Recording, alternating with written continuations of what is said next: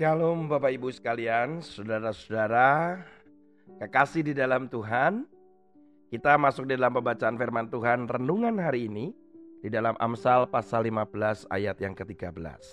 Firman Tuhan berkata demikian, Hati yang gembira membuat muka berseri-seri, tetapi kepedihan hati mematahkan semangat. Saudara, ternyata ekspresi wajah itu dari dalam hati bisa saja itu berseri-seri. Ketika wajah kita berseri-seri, maka orang-orang di sekitar kita ini akan merasakan hal yang sama. Robot yang dibuat oleh manusia, di mana robot-robot itu dibuat mirip dengan manusia disebut humanoid. Beberapa waktu yang lalu, sebuah perusahaan engineer arts dari Inggris dia mempertontonkan robot yang termasuk canggih karena dapat mengekspresikan wajah seperti manusia. Bernama Ameka. Ameka ini menampilkan ekspresi wajah manusia seperti bingung, frustasi, heran, senang dengan sangat baik sekali. Bahkan pengembangannya itu sampai pada pengembangan yang kemiripan dalam hal kulit dan struktur tulang, kulitnya juga teksturnya juga disamakan dengan manusia. Bahkan bodi daripada wajah sendiri ini terbuat dengan bodi sistem bodi ultra realistis. Artinya kemiripannya itu sangat amat begitu.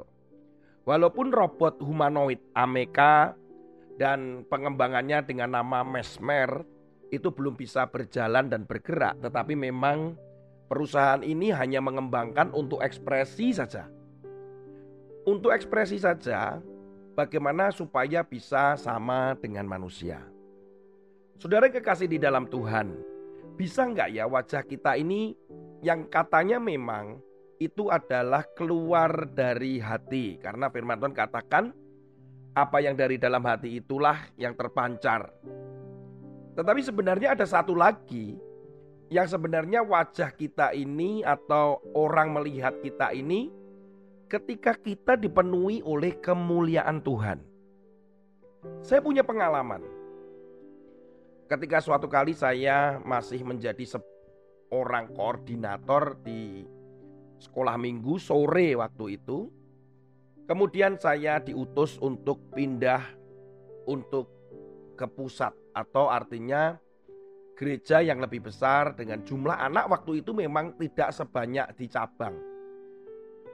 Karena di pusat ini baru pembangunan, kemudian anaknya lebih sedikit. Seingat saya sekitar 15-20 anak. Dan jumlah gurunya juga nggak banyak. Dan penempatan anak-anak untuk ibadah itu pun di dekat toilet.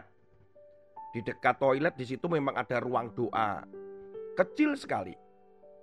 Kemudian ketika saya dipindah di sana awalnya benar-benar saya tidak mau. Karena saya sudah dalam kenyamanan, jumlah anak yang banyak, gurunya yang sudah tertata, sistemnya sudah ada. Tiba-tiba dipindahkan dan di tempat di mana saya tahu bahwa gereja besar itu saya punya konotasi dan persepsi yang negatif. Pasti nggak enak, apalagi koordinatornya dan sebagainya. Tetapi saya harus belajar submit. Saya harus belajar menundukkan diri dengan koordinator kota waktu itu. Ketika saya pindah dan saya ke sana, awalnya benar-benar berkecamuk. Saya nggak suka dan sebagainya. Wah, pokoknya saya nggak suka dah. Tetapi ketika saya bertemu dengan koordinator Diaken waktu itu, saya masih ingat namanya Bapak Efraim. Ketika saya ketemu dengan dia untuk berbincang-bincang dan rencananya bahwa saya akan melayani di situ. Saya akan bersama-sama dengan eh, teman-teman. Saudara, saya langsung ada damai sejahtera.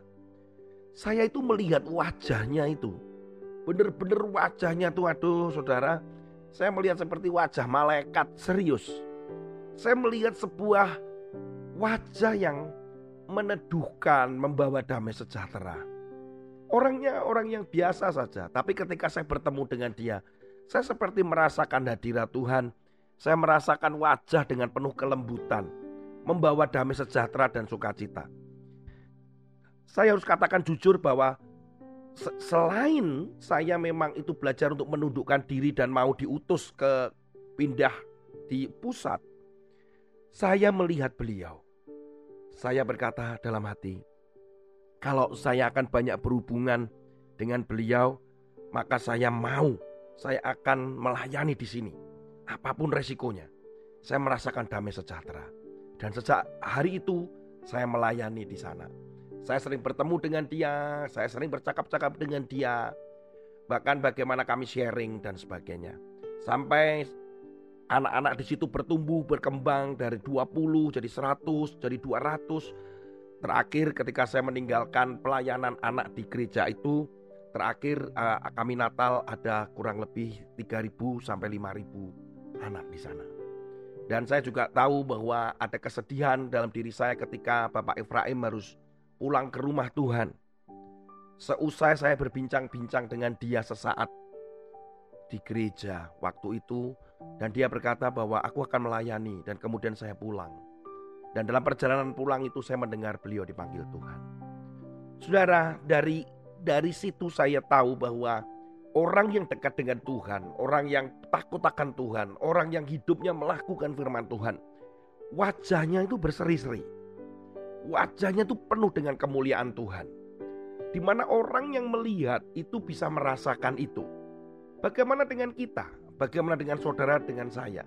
Saya pun masih belajar. Mungkin ada orang yang melihat saudara itu adalah wajah kekejian. Mungkin ada juga loh orang yang melihat saya, Pak Tony ini wajahnya sombong banget. Mungkin.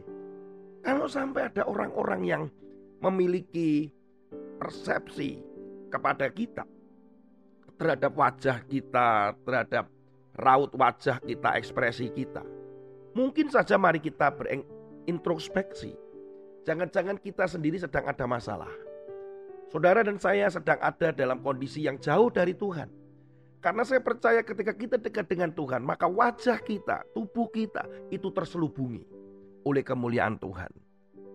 Saudara ingat kisah Musa ketika turun dari Gunung Sinai yang ada di dalam keluaran pasal 34 ayat 29. Ketika Musa turun dari gunung Sinai, wajahnya bercahaya, mukanya bercahaya. Ini menunjukkan bahwa wajahnya memancarkan kemuliaan Tuhan. Ketika Musa yang ada di gunung Sinai itu, dia dekat dengan Tuhan, dia hidup intim dengan Allah. Di situlah wajahnya memancarkan kemuliaan Tuhan. Kulit wajahnya bercahaya, dan kalau itu dalam kehidupan sehari-hari, saudara dekat dengan Tuhan, saudara menyembah Tuhan, saudara berdoa, saudara melakukan firman Tuhan. Demikian pula orang akan melihat seperti itu. Firman Tuhan dikatakan di dalam 2 Korintus pasal yang ketiga, ayat yang ke-18. Sebagai penutup renungan kita malam ini. Sebagai penutup renungan kita hari ini. Dan kita semua mencerminkan kemuliaan Tuhan dengan muka yang tidak terselubung dan karena kemuliaan itu datangnya dari Tuhan yang adalah roh, maka kita diubah menjadi serupa dengan gambarnya dalam kemuliaan yang semakin besar. Artinya kita juga ketika dekat dengan Tuhan, kita ini mencerminkan kemuliaan Tuhan dengan muka yang tidak terselubung apa adanya.